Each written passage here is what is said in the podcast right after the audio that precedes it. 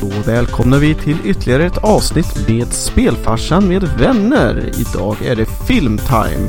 Vi ska prata alla möjliga trevliga speltitlar som har blivit film och film som har blivit spel. Och för att eh, sparka igång eh, dagens program så har Linda förberett ett eminent lista som vi ska ta och titta på. Ja, det här ska bli jättespännande att höra vad ni tycker om alla spel som, eller alla filmer som faktiskt är baserade på spel. Så jag börjar helt rakt upp och ner och så får ni spontant säga vad ni känner. Det låter Absolut. jättebra. Eh, Super Mario Bros. Mm, jag tycker att det finns massa nostalgi som eh, slår an på en ganska öm hjärtesträng. Så jag ska inte säga total kalkon. Men det är väl mer åt kalkon än kanon. I alla fall enligt mitt tycke. Ja, alltså. All logik säger ju att det är stor kalkonvarning på den här. Men, men det är någonting med den som gör att det bara att det är en kalkon som flyger lite ömt förbi ändå. Man vill inte riktigt säga någonting elakt om Super Mario. Nej.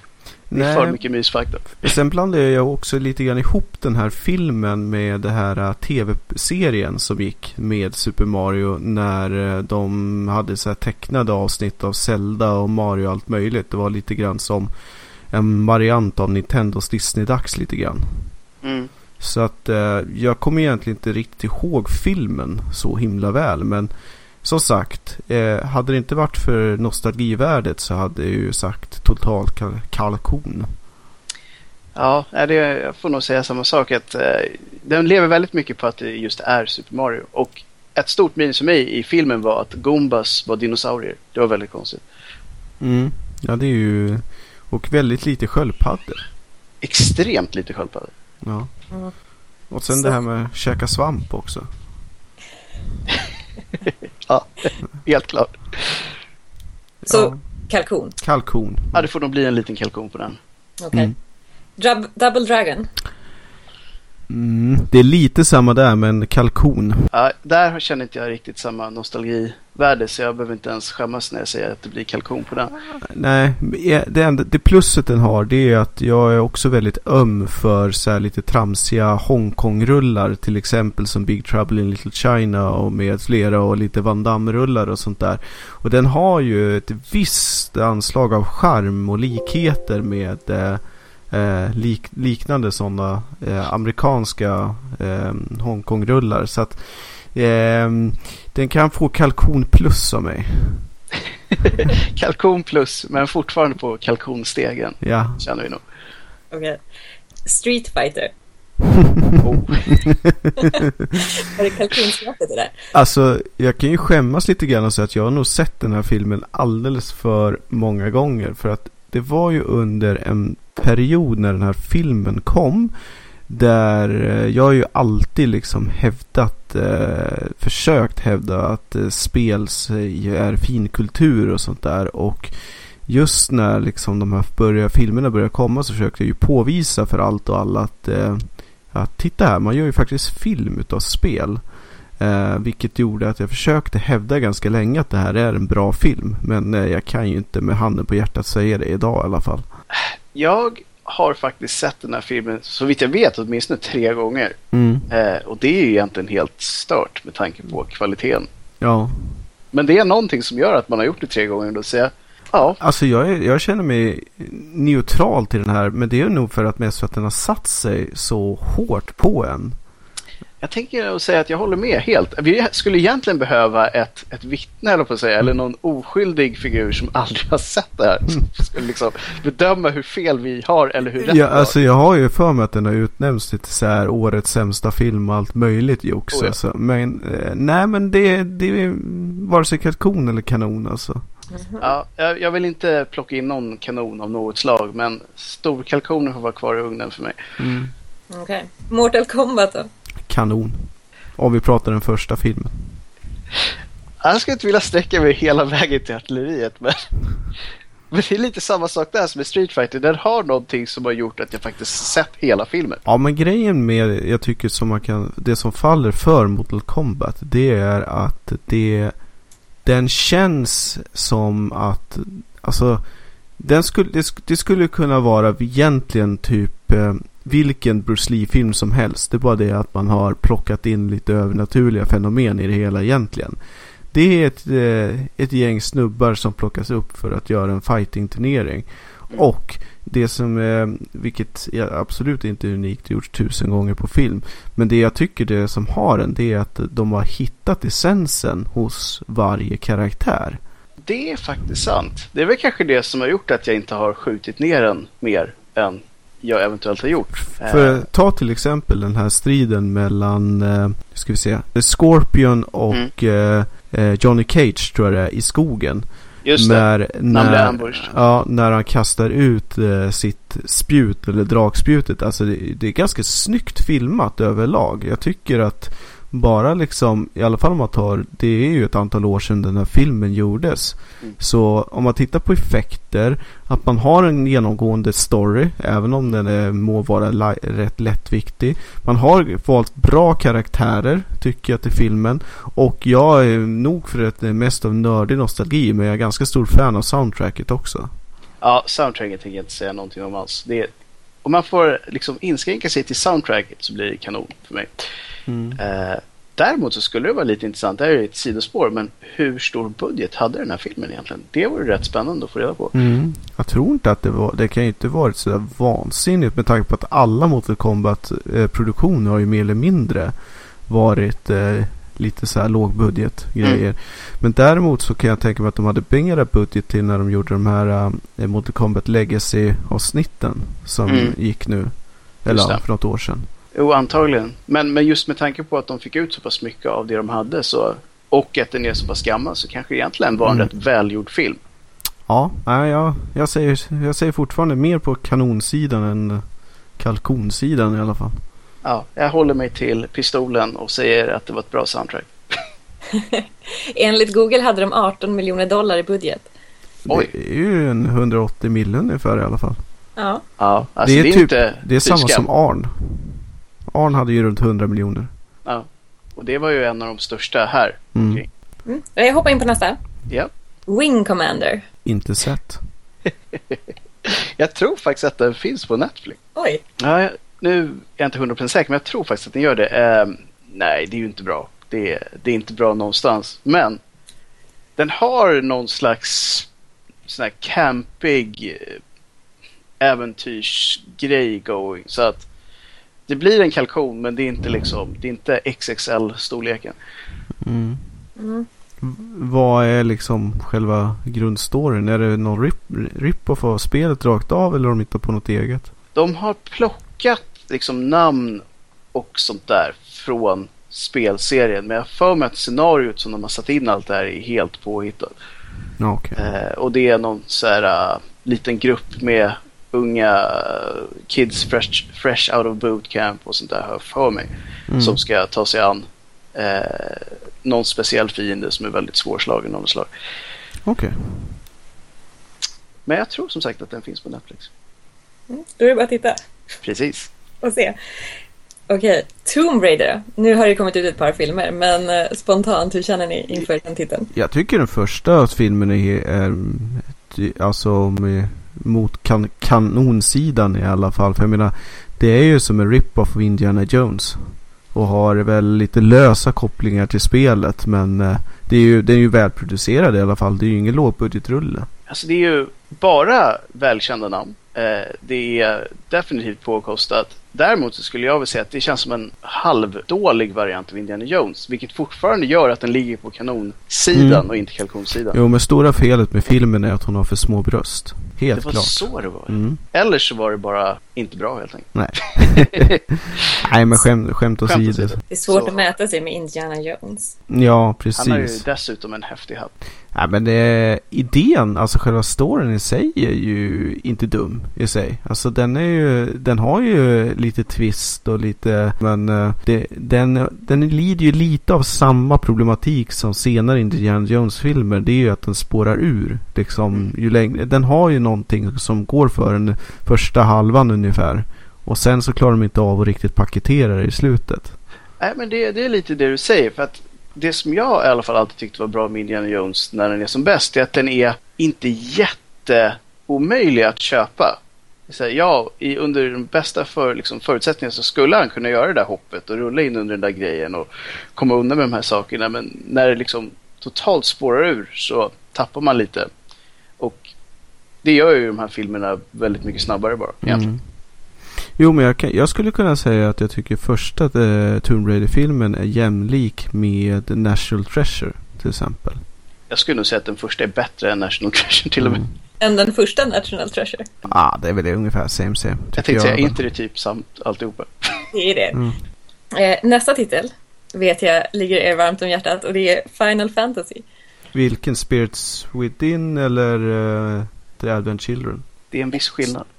Det är väldigt stor skillnad. Spirits Within. Ja, det, den har ju så lite så här um, halvtaskig koppling till. För det är dels ganska länge sedan jag såg den. Mm. Och dels så, alltså jag för mig att jag var ganska, jag var ganska hyped när vi skulle se den. Men sen, jag var ganska likgiltig inför den här filmen. Alltså, jag minns det exakt på samma sätt. att När jag hörde att det skulle komma en film som var Final Fantasy liksom inspirerad och baserad så var man så här, det här kommer bli häftigt. Sen såg man filmen och så var det så här, vad var det du såg för något? Mm. Jo, men det, det var ju... Essensen var väl där liksom. Men det, det kändes som egentligen vilken sci-fi anime-film som helst. Egentligen. Ja, den hade ju inte koppling till något av spelen. På Nej. något väldigt klar eh, sätt. Det enda coola var ju grafiken för att uh, det, var, det, var ju, det var ju långt före Avatar med att göra liksom verklighetstrogna karaktärer. Ja, den var ju väldigt, väldigt snygg. Men det var ju så här en det var inte jättespännande sci-fi film Nej, heller. med tanke på vilken monumental budget den hade. För det var ju Exakt. en übersatsning. Det sved ju hårt i och med att den, det var ju inte så att den vann några Oscars direkt. Och Nej. som sagt, storyn i sig var ju ingenting som man... Nej, den, den har ju ingen koppling till någon av spelen egentligen. Inte ens på så här referensnivåer egentligen så som typ Chocobos eller något annat liksom sådär. Utan det var... Det var som, vilk, som vilken sci-fi anime som helst. Ja, som hade ett namn från en spelserie. Precis. Det kunde hetat Lars Kristers också men det är liksom... Det hade varit spicy. Ja fy fasen vad grymt. Jag ska göra en anime-serie baserad på Lars Kristers. Som åker runt och spelar någon sorts Visual K-dansband. Precis. Slår hårt i Japan, det vet man ju. Mm. Det här ja. blir grymt. Men eh, kalkon blir det väl för mig då? Ja, jag tror jag sett den också där. Och det var nog vad resten av omvärlden tyckte också faktiskt. Mm. Ja. Okej, okay. Resident Evil kanon.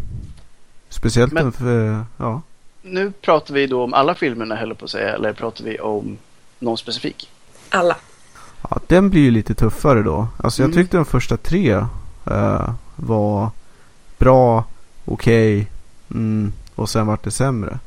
Jag skulle nog säga ungefär samma sak. För att den första, där var jag ändå ganska nöjd mm, med vad jag, jag gillar den första. Det... Eh, den var ganska tight. Liksom, det var på så pass få karaktärer som man kunde liksom följa dem och de har rätt bra pacing och sådär. Mm, ja, men jag gillar ju den här äh, lite varianten utav lite sci-fi, lite typ Fortress liknande om ni har sett de filmerna. Mm. Eh, den, den, den var schysst liksom. Och jag gillar det, ja, som sagt, tredje filmen också i och med att den har väldigt mycket Mad Max över sig. Jag tycker nog fortfarande sammantaget om vi jämför med vissa andra titlar som jag satt här så är det ju mer på kanonsidan än på kalkon i alla fall. Ja, jag får nog säga det också. Man parkerar franchiset på den sidan. Men sen så är det en del som luktar lite fågel. Så. Mm. Ja. ja. Jag håller med. Men i samma genre då? Alone in the Dark. Oh. Mm. Jag vet att jag har sett den här. Ja, jag har nog svagt minne men jag kan inte. Antagligen var den inte särskilt bra i och med att jag inte kommer ihåg jag någonting. Säga, både du och jag inte minns mer än att vi har sett den. Nej, och jag måste betyda här... någonting. Ja, precis. Jag brukar verkligen komma ihåg filmer om jag har sett det. Så att nej, det blir nog en kalkon. Ja, jag, jag, utan att jag ens kan komma ihåg var vad jag inte gillade med den så säger jag nog kalkon också. Det är väl den generella uppfattningen om den filmen också? Att det är en kalkonfilm? Ja, det mm. får man nog säga. Okej. Okay. Doom? Ja. Det är ju Dwayne The Rock Johnson. Det, det är det. Men uh, that's about it. Ja.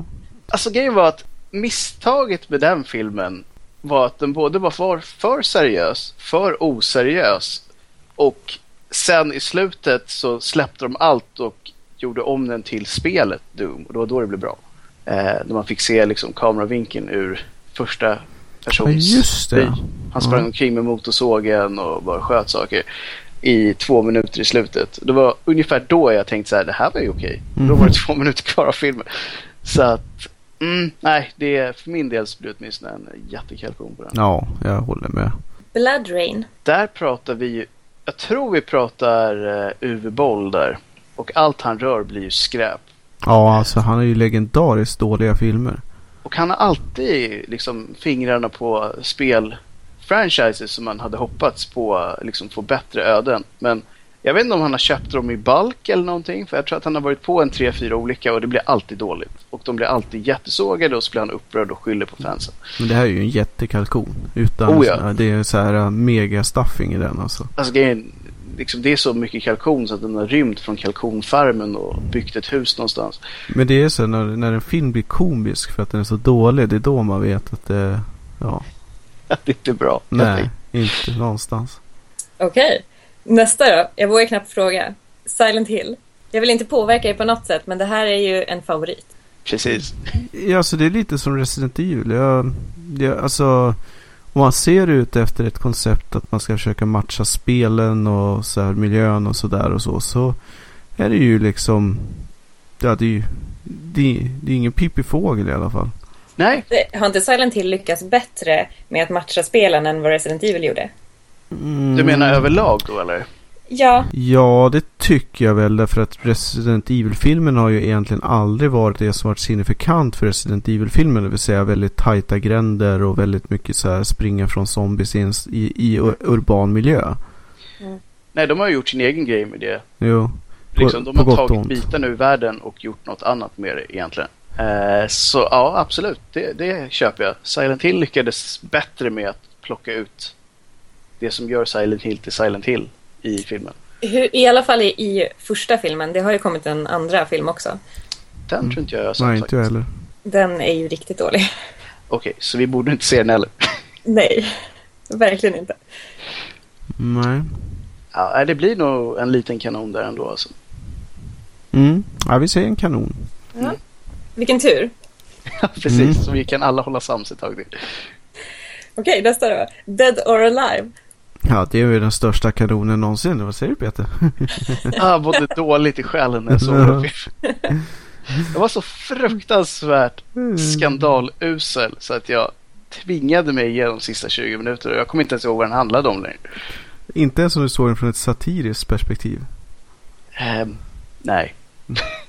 alltså det var så uppenbart att de inte riktigt hade någonting att gå på längre. Och tänkte så här att vi drar in lite fighting-scener, vi zoomar in på lite kroppsdelar som folk kan tyckas vilja se på.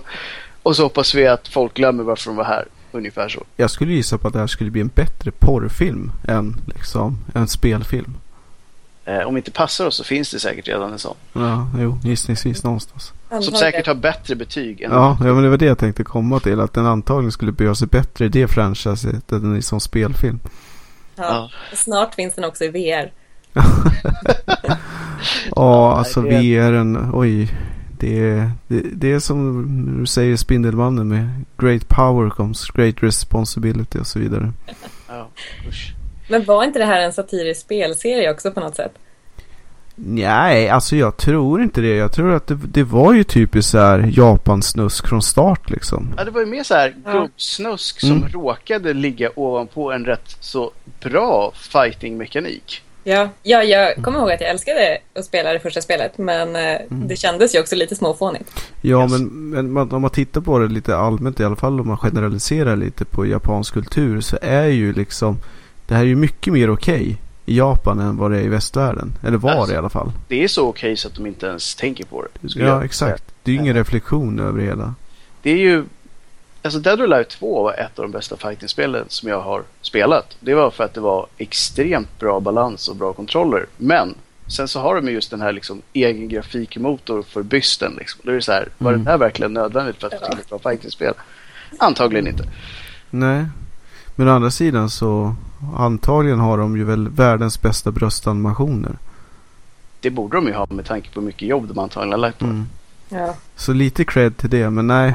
Det är en... Men det är ju lite inte cred till filmen. spelserien, men väldigt lite cred till filmen känner jag. Mm. Exakt. ja. Okej, Postal. Nej. Nej, Nej. Nej. Jag tror vi bara säger det. Nej. Nej. Nej. Okej. Hitman. Ja, den var, jag tyckte inte den var så dålig.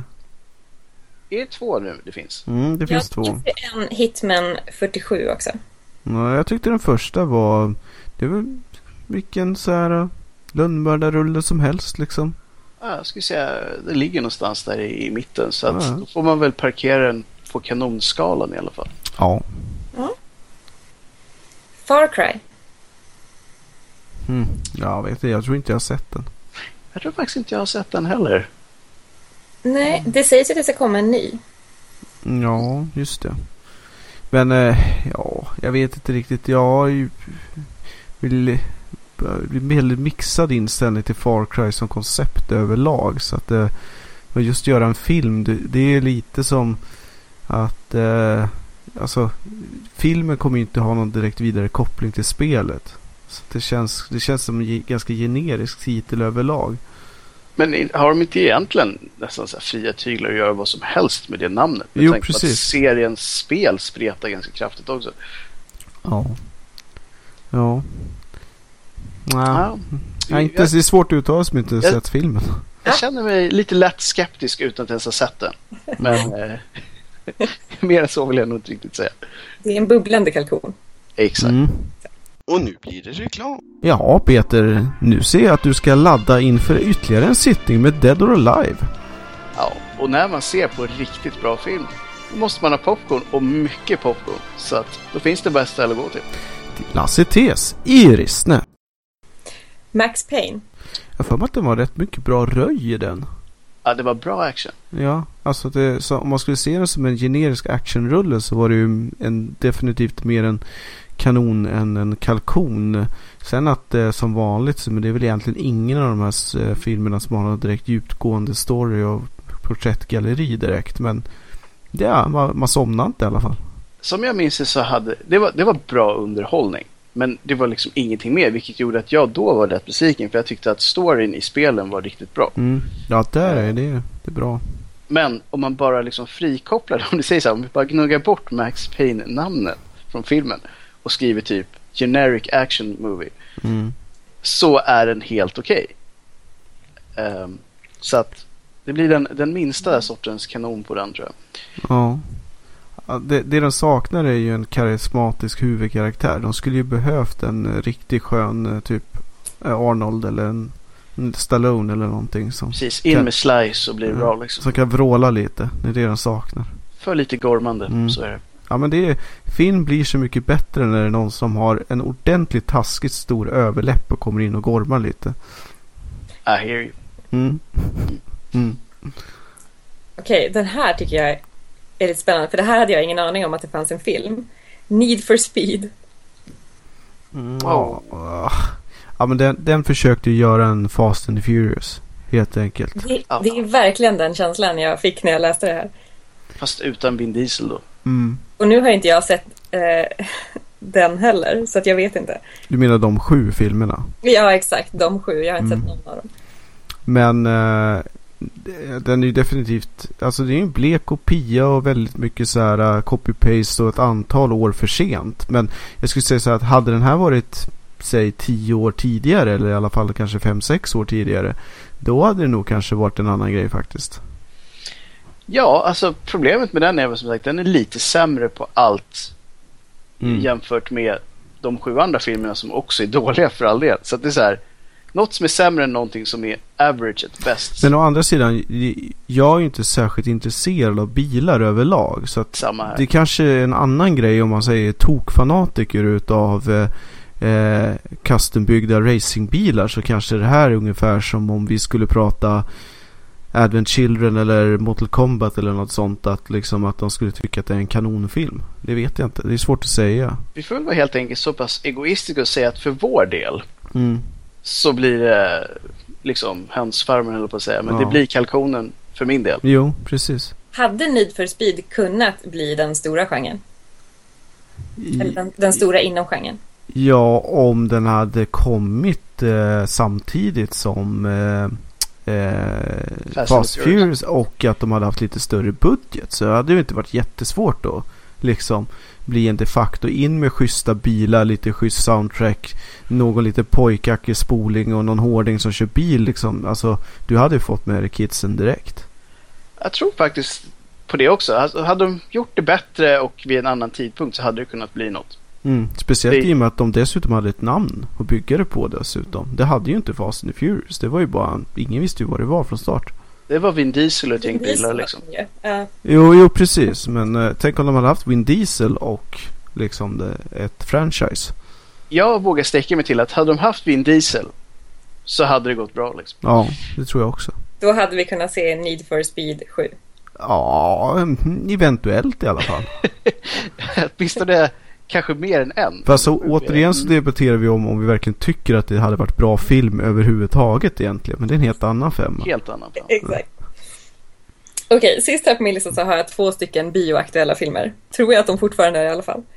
Eh, och det är Angry Birds. Ja, men den är ju den är schysst. Alltså jag såg ju den här om sisten. Så, Jaha, ja, ja, men grejen är så att jag är väldigt svag för Pixar och Disney-filmer och sånt överlag. Mm. Så eh, det, den gick direkt hem. Men alltså vad handlar det om? Ja men det, det är ju, de, de är ju de här, det här gäng fåglarna på en ö. Och sen så har vi ju han huvudkaraktären som, eh, jag har glömt vad han heter. Men han har ju de här angry issue problemen. Det, det spinner ju ganska hårt på eh, Happy Gilmore-filmerna. I princip. Alltså han har ju, han har ju liknande så här att han, alltså han bara flippar ur hela tiden på allt och allting. Och sen så blir han ju lite så här outcast i samhället för alla tycker ju han är skitjobbig och sådär. Och sen så kommer ju ett gäng grisar då till ön.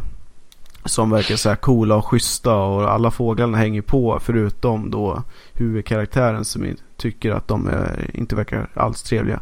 Mm. Och sen så helt plötsligt så visar ju sig att grisarna är ju inte alls snälla utan de snor ju alla äggen som ska vara liksom den nya generationen Mm. och ger sig av i en båt. Så då drar ju hela den här fågelön efter då. Och sen ska de förstöra griskungadömet och rädda äggen. Ni hör ju redan här vilken fantastisk rulle det här är. Alltså just när du berättar så tänker man så här, det här bara osar kalkon hela Ja. vägen hem. Ja men det, det, det är väl lite, har, har ni sett Surfs Up? Ja, Mm, det är Nej. lite åt det hållet.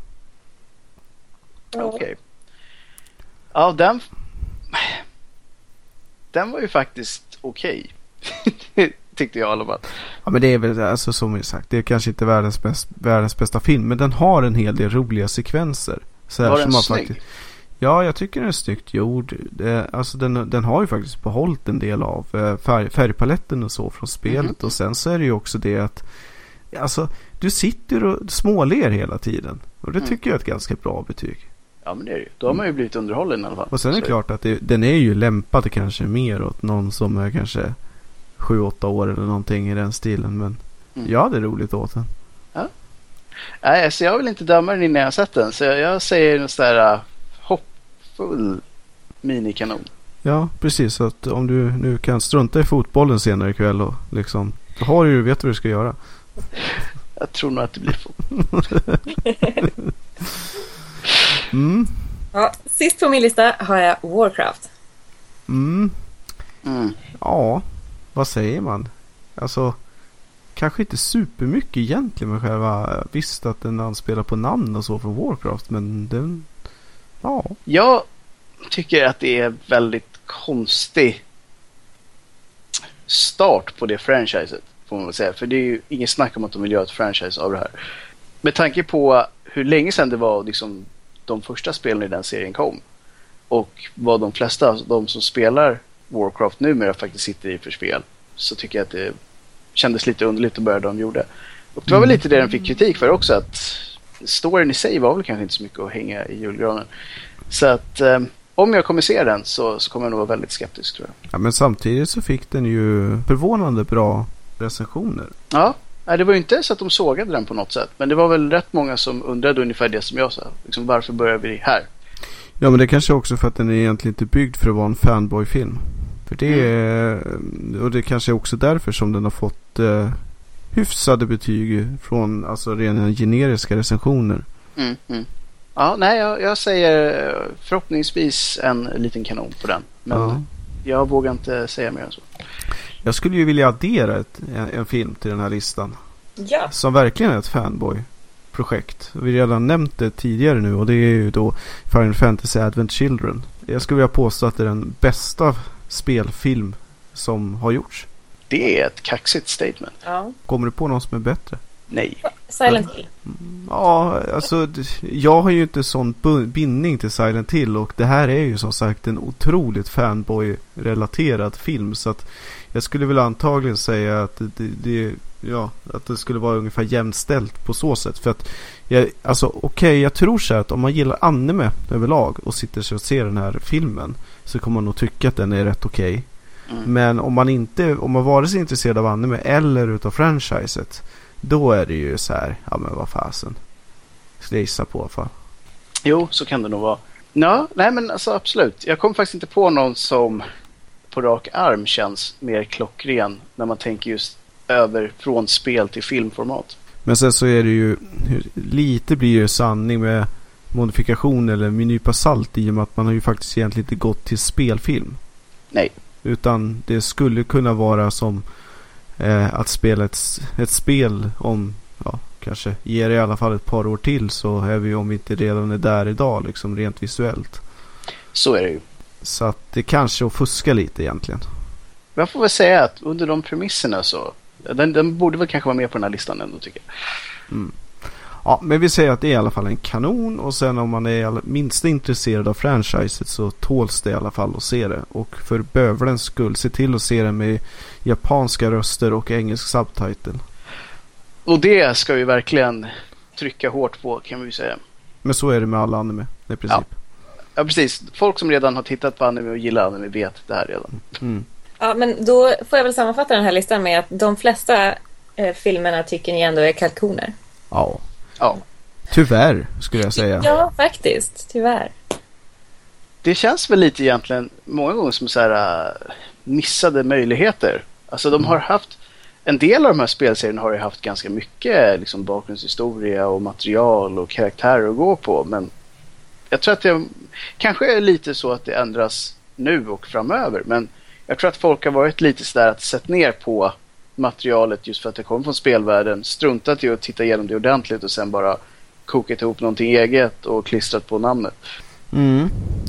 Men sen är det ju så att de många filmer, nya filmer har ju förstås då lånat en hel del från spel och vice versa och sådär. Så att det är ju det är ett ganska, det är ett ganska snarlikt media. Och Så blir väl mer och mer. Precis. Verkligen. Så um, när vi ändå är inne på ämnet då. Vilken genre tycker ni gör sig bäst då? För spel egentligen, eller ja, att göra en film baserad på ett spel. Jag skulle nog vilja säga att skräck gör sig, om det görs bra, väldigt bra. Om man förstår att det som gör ett spel läskigt inte är samma saker som gör en film läskig. Mm. Och det är ju någonting som väldigt många inte har förstått. Men om man bara plockar liksom ut det som ibland har varit väldigt välskrivna skräckhistorier i spelformat och applicerar själva grundhistorien på en film så tror jag absolut att det skulle kunna bli väldigt bra. Jag håller ju med. Såklart. Men med det sagt så är det inte säkert att någon verkligen har lyckats 100%. Men jag tror att det finns alla möjligheter att faktiskt få till något riktigt bra där egentligen. Jag skulle ju vilja hävda att eh, klassiska rollspel skulle kunna göra sig alldeles utmärkt som film. Jag menar, det är ju Sagan om ringen är ju Alltså, den kommer ju förstås före spelen och så här men många säger att man skulle, alltså om eh, CDR Project eh, skulle sätta sig och skriva ett manus till en film så tror jag att det skulle kunna bli en riktigt bra fantasyrulle. Jo, även stor, stor klassisk fantasy och sånt där görs ju självklart. Om man gör det rätt. Den är ju så pass så tacksam att jobba med också. Det är ju bara att slänga in schyssta vet du, skådespelare, kontraktera HBO till att göra det, in med massa snusk och övervåld och sen har du ju en schysst rulle liksom.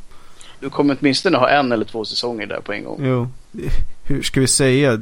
Det som jag tycker ska vara signifikant för en spelfilm det är ju att den har essenser av ett spel med sig och inte bara är en, en, ännu en film så att säga. Nej, precis. Man måste ändå känna igen grundmaterialet eller vad man ska säga. För det är ju som man säger, man skulle ju kunna påstå att ganska många filmer är GTA-filmer. Till exempel. Men det har ju ingenting med spelet att göra. Men alltså, ja. Det är väl just det där när, när ett spelfranchise blir så brett att de inte ens riktigt själva har samlat sig längre. Då, Nej men det, det är ju som att du har ju spel som egentligen är en, mer en film. Om vi tittar på till exempel Heavy Rain till exempel. Ja. Det, det är ju egentligen som att du har en film som du har pausknapp på då och då. Och så får du göra lite val. ja, det är sant. Så att det, det där är också så här. Jag tycker att gränsen mellan film och spel suddas ju ut mer och mer. Vi går ju mer åt, eh, åtminstone på action-äventyrssidan, åt lite mer åt interaktiv film eller film där du kan påverka utgången av, av filmen. Mm. Nej, Ja. men så, så är det ju absolut. Vilket är lite kul för kommer ni ihåg eh, redan tidigt 90-tal någonstans att man gjorde så här versioner utav, eller en typ utav kortfilm i alla fall, där man kunde ringa in och rösta om hur den skulle sluta. Ja. Och- det är ju egentligen lite samma koncept. Det är faktiskt sant. Det var ju faktiskt, det höll på till och med under rätt lång period, eller på att säga. Jag minns att det var några år de hade sådana där grejer. Jo, sen har vi så här klassiska när det varit sån eh, kritikerstorm som man har plockat in karaktärer som man gjorde sig av med. Mest klassiska exempel är väl antagligen i Dallas när, eh, Drömde en hel säsong. ja, att han, att han var död fast bara vaknade och insåg att han inte var det. Han stod i duschen och Mm. sa typ Hallå, du ser ju jättechockigt ut. Varför då? Jag trodde jag var död. Jag trodde du var död i 35 avsnitt. Men en annan grej där, om man nu pratar specifika genrer, men det finns ju också sådana här, om man tänker världar mer. Alltså, Mm. säg om man har, plockar in typ något av Final Fantasy-spelen och låter den världen vara up for grabs.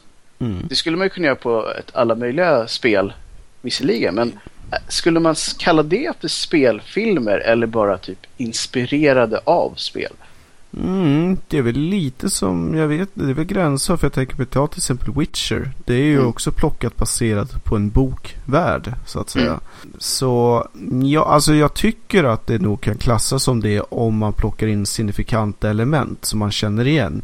Till Mm. exempel som Chocobos eller Cactuars eller Sid Mm. eller någonting liknande sådär.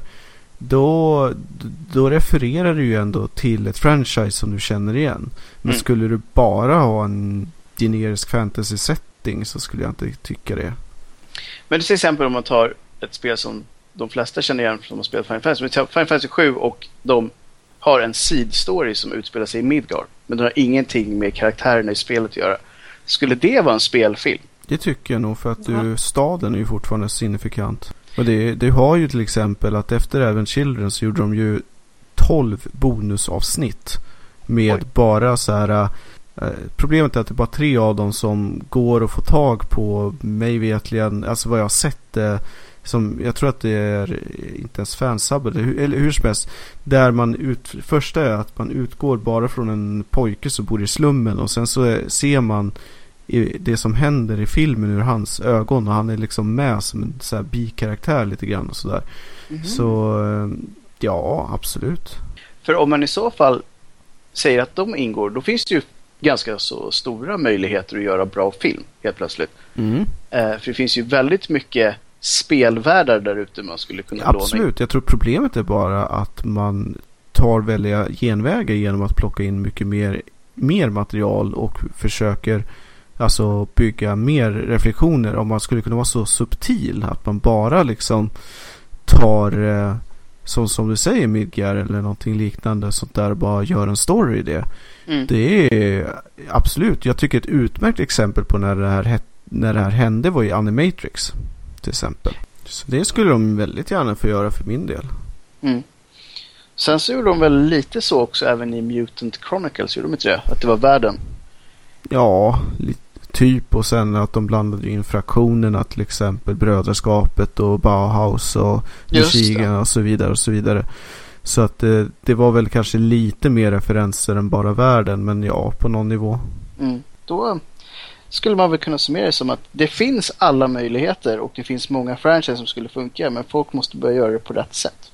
Mm, jag tror det. Att inte försöka göra en förlängning utav redan befintligt spel genom att ta alla karaktärer och bara försöka skriva en ny story. För det, det lyckas man ju sällan med även i själva spelvärlden att verkligen försöka att göra en till exempel. Det, det har ju funkat till exempel i Final Fantasy 13, 1, 2 och 3 så att säga. Mm. Men annars är det svårt. Det är sällan det går bra att göra rena uppföljare.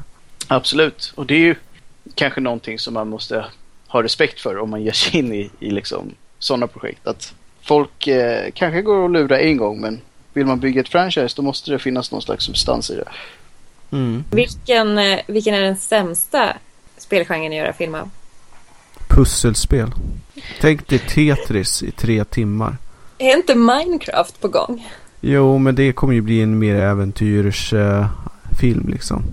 Ja, jag har väldigt svårt att se någon genre som är svår att göra film av ett pusselspel. Ja, fast det skulle ju inte förvåna mig om det kommer en Candy Crush-film. Ja, men vad är Angry Birds för typ av spel? Ja, i och för sig. Det har du ju alldeles rätt i. Men där har de ju gjort, där har de ju bara plockat ut karaktärerna och gjort liksom en, en helt annan film av. Det, det har ju ingenting egentligen förutom att de använder slangbällan möjligtvis och lite sådär va. Men Så egentligen så skulle man kunna säga så länge det finns karaktärer med i de här äh, smalare genrerna så, Så kan man ju komma undan mer genom att bara låna dem och strunta i jo, jo det, det går ju. Men Tetris blir ju ganska svårt. Eller Pac- ja, Pac-Man har man ju för sig gjort. Ja, Precis. Eh, inte för att det var just, det var just ne- senast nu i Pixel som Pac-Man var med på ett hörn. och jag skulle inte bli jätteförvånad om det finns någon Bomberman-film där ute heller. Ja, det finns säkert en animefilm i alla fall. Pre- Precis. Ja, och vad mer? Alltså fighting, alltså fighting överlag är ju svårt att göra.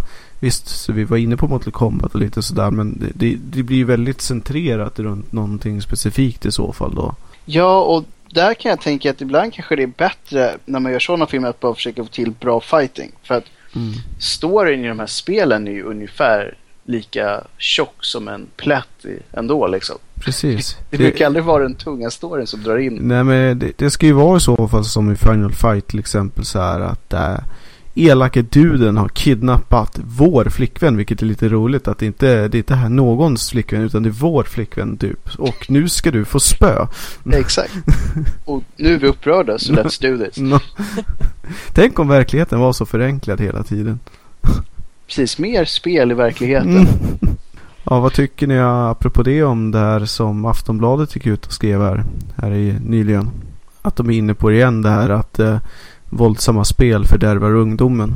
Ja, jag såg det. Var det för någon vecka sedan va? Som, Mm. de, som de skrev om det där. Jag blev lite trött faktiskt.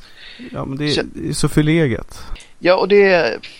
Jag kan tycka varför har de just valt spel Ja, det, när det finns, det finns ju ändå filmer. Det är ju inte som att spelen specifikt som är våldsamma. Liksom. Nej, du vill bara sätta på tvn och kolla på vilken serie som helst Slå numera. på nyheterna. Eller nyheten, exakt. Det är verkligheten som fördärvar dem. Det, det är alltid det är individen som är aggressiv. Det, alltså, och individen visst kanske kan om man redan är aggressiv så kanske man kan söka inspiration Mm. någonstans. Men det är ju inte, jag tror inte det är media i sig egentligen som gör utan det är ju ens omvärld. Vilka man umgås med och så vidare som är den stora drivkraften. Ja. Jag skulle säga att det aldrig någonsin skulle vara så att du går ut och klappar till någon på käften för att du har spelat GTA. Däremot kan det ju vara så att om du, vilket du absolut inte ska göra, åldersrekommendationerna finns ju där av en anledning. Men du kanske inte ska stoppa GTA i händerna på en åttaåring. Det var lite det jag precis tänkte säga. att Det folk aldrig tar upp är att alla spel som har våld har ju faktiskt en åldersrekommendation. Precis som filmer har. Men det har man väldigt lite om. Det är alltid så här, det här sitter dina barn och spelar. Brukar ju Ja. oftast vara liksom rubriken. Ja, för, jag, för Ja. jag skulle kunna tycka det var lite läskigt. Speciellt i USA där man på vissa håll har väldigt lätt tillgång till vapen. Där Mm. kan det ju verkligen bli lite så att man ska springa ut och leka i skogen helt plötsligt så råkar man skjuta sin bästa polare liksom. Ja. Och jag tror till och med när det gäller åldersgränser så är det väl så att spel har ju högre åldersgränser än vad filmer har. Ja. För max Så är det. åldersgränsen för en film är väl 15 i alla fall i Sverige. Ja. Medan för spel finns det ju 18. 18. Ja men det är ju alla, ta Witcher, GTA, Doom och så vidare. Det är ju 18 år på... Jag vet på många ställen i USA så är det de, att de som har den här 18-årsgränsen, de går inte ens att köpa på hyllan. Då måste man be om i Mm. kassan för att de ska plocka fram. Så att det är ju, finns ju massa regler kring det här. Ja, och det där tycker jag också är så konstigt att eh, vet du, eh, allmänt de flesta distributörerna är så väldigt laid back runt det här egentligen. Mm. För att hade det varit i staterna då hade de ju kunnat bli stämda på ganska mycket pengar om de skulle sälja ett rekommenderat 18-årsspel till en minderåring. Mm, absolut. Och sen tycker jag att, alltså, jag tycker återigen att ansvaret ligger hos föräldrarna. Alltså det är inte samhället som ska tala om för individen vad hen inte får göra utan det är ju en kombination av att föräldrar som är de som har bäst koll på sina barn ska kunna läsa av vad liksom hur pass den här individen funkar och så. Och sen får man ju förstås väldigt gärna vara med och liksom ha, hålla lite koll förstås och sådär va. Men eh, så att generellt sett så tycker jag egentligen att åldersgränser överlag är meningslösa. Ansvaret ligger hos spelfarsorna. Ja, eh, i, i det här fallet absolut. Eh, Ja, jag menar. Om man tycker att det ska vara så med biofilm. För jag menar, där är det alltid så här. Om du har med dig en förälder så kan du få se saker som du inte skulle fått Mm, om du hade gått på Precis. egen hand. Mm. Eh, då måste det ju ändå vara på något sätt så det borde fungera med spel också. Att någon, ja, kanske, något spel som kanske är lite läskigt kanske man kan få spela med sina föräldrar. Men då är det fortfarande de som har skaffat det. jo, Och det är de som ser till att du kommer åt det. jo nej, men det, är- det är väl det bästa tipset som man kan ge. Att liksom invol, oavsett egentligen vad det är, involvera er i det era barn gör helt Mm. Nej, jag hoppas att den här att det någon gång blir liksom en lite mer sansad debatt kring det här. För det känns Mm. som att det, det går på några årscykler. Det här, Mm. um, den här dialogen. Sen ska man ju inte sticka under stolen med att vi lever i en våldsromantiserad värld. Det gör vi ju. Så Ja. är det ju absolut. Eh, men det är ju för att människan i sig får ju adrenalinklickar av våld. Det finns ju en anledning varför till exempel Grand Theft Auto säljer så pass bra förutom själva storyn och så. Det är ju det här att, att någonstans där nere så får ju folk en kick av att få dels kanske inte våldet per se men det här att alla går igång på att få göra det här man inte får göra egentligen. Det driver ju alla. Och Mm. de flesta har ju en naturlig spärr som gör att man kan skilja på fantasi och verklighet och så. Men just den här friheten att liksom få göra alla de här otänkbara sakerna som du aldrig någonsin skulle få göra annars. Det driver ju vem som helst egentligen. Det handlar ju om sån här eskapism överhuvudtaget i alla medier. Alltså det är ju både film och böcker och spel. Mm. Eh, folk vill kunna tänka sig och se, visualisera saker som de aldrig skulle göra i verkliga livet. Ja, absolut. Det är ju bara att titta på till exempel eh, de här bokserien som är på svenska, Girl with a Dragon Tattoo. Eh, Mm, precis. Den är ju både ganska ruggig, snuskig och våldsam och allt det här liksom. Men den köper ju folk rakt upp och ner. Både film och böckerna egentligen. Den är ju till och med, alltså ingång till den är de där kallas typ Nordic Noir. Alltså som ska vara typ Mm. mörk, hemsk, på alla sätt jobbig. Men Jo. Som är extremt stor och väldigt populär genre numera.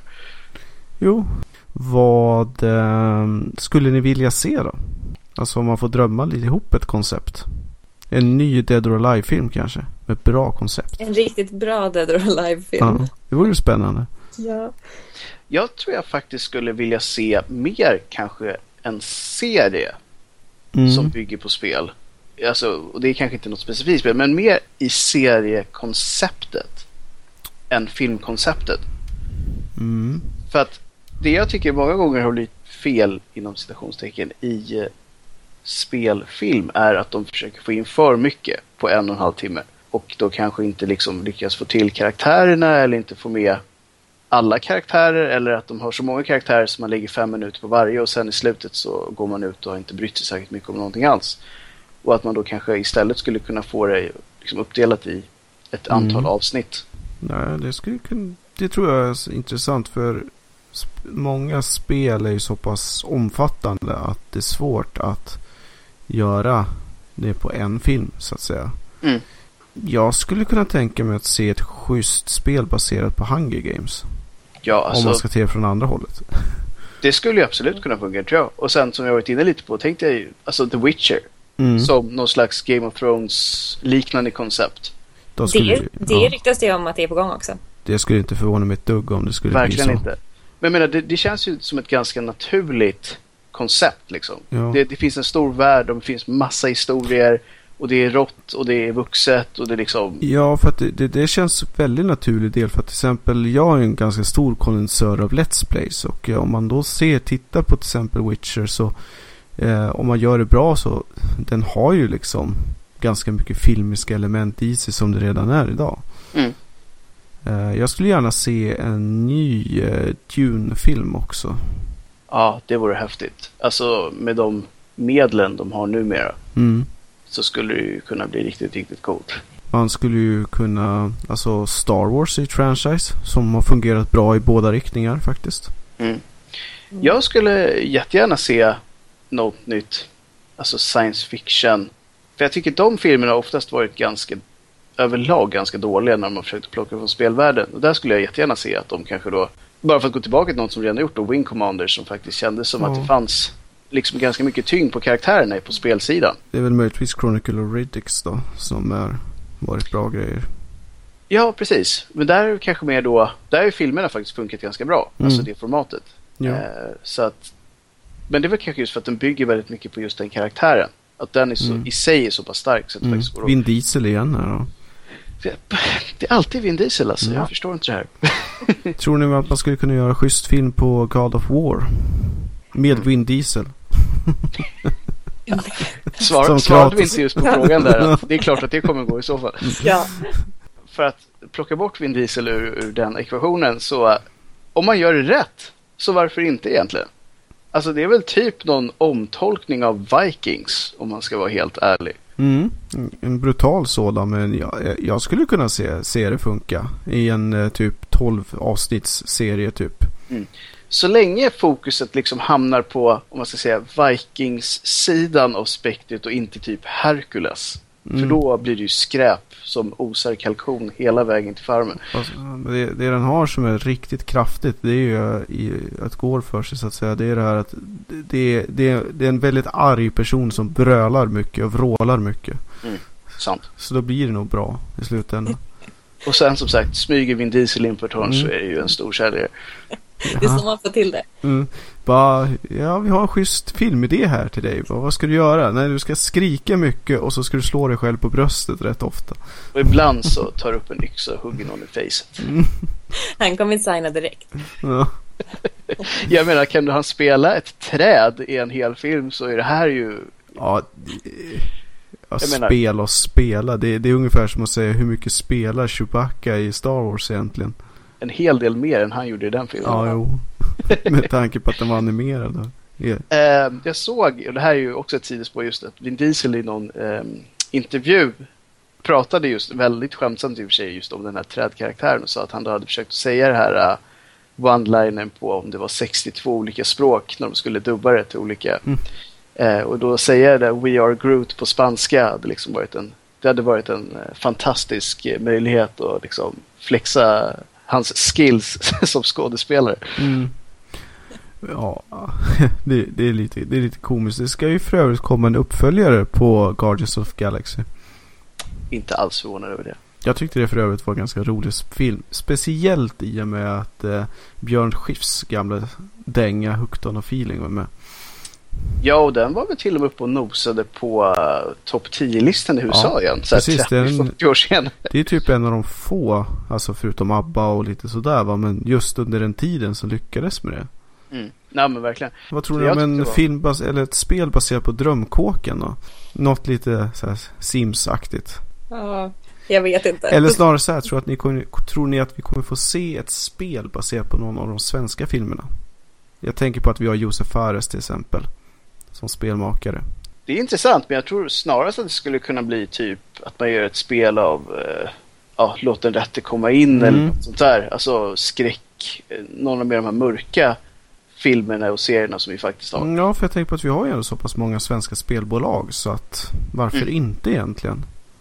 Om man tänker på typ Alan Wake som skulle gå att applicera samma idé. Så mörkt, mystiskt, det är läskigt. Det finns säkert sådana grejer man skulle kunna plocka in och göra spel av. Ja. Och jag skulle inte säga nej till det. Det vore jättehäftigt. Jag menar, gör man det rätt så skulle det kanske kunna skapa ett mervärde av att få spela en miljö man, om man kanske inte känner igen, men åtminstone vet var den ligger någonstans. Precis. Ja, men jag tror att eh, det är ju lite som eh, när man gjorde en variant utav MUTANT för eh, Stockholm. Eh, baserat, alltså pappersrollspelet då. Att det är klart att det, det, går att hämta massa spännande saker ur Sverige och göra både, alltså alla typer av spel baserat på det. Det tror jag. Mm. Och det är ju någonting som jag tycker också att folk, alltså vi är ju väldigt, generellt sett väldigt sugna på att liksom anglifiera oss. Men jag tror att det ibland kan det vara så att det nästan känns lite töntigt att satsa på liksom svenska grejer. Och det mm. kan ju vara ett misstag för att det finns ju rätt mycket saker som, som faktiskt är skrivet bra på svenska och som finns tillgängligt. Så att... Ja, jag tänkte på det som nosar lite på temat. Det är ju det här um, turordningsbaserade strategispelet som är baserat på vikingar. Mm. Vad är det det heter? Typ Banner Command eller någonting sånt Något där. sånt är det. I alla fall. Men, så att det är klart det finns. Men um, Eh, jag skulle vilja säga att det närmaste just nu det är väl möjligtvis det som eh, Paradox gör. De lägger ju alltid in eh, korrekt historia runt Sverige och ser till att Sverige blir spelbart och sådär. Ja, nej men absolut. Det, det gör de ju väldigt bra också. Mm. Ja, har ni något mer ni vill tillägga till filmens värld här innan vi rundar av för ikväll? Jag vill bara säga rent allmänt en förhoppning om att framöver så kommer spelfilm inte ses som liksom strykpojken i filmvärlden längre utan att de faktiskt tar det på lite mer allvar. Precis som att man insåg för ganska länge sedan att ett eh, franchise-spel inte behöver vara ett kalkonspel. Exakt, lite ja. den insikten. Ja, men då säger vi så. Tackar för ikväll och på återhörande nästa vecka. Tack och hej. Hej hej. Hej. Och i nästa vecka ska vi ha sommarprat med mig, Linda och Peter. Tack och hej!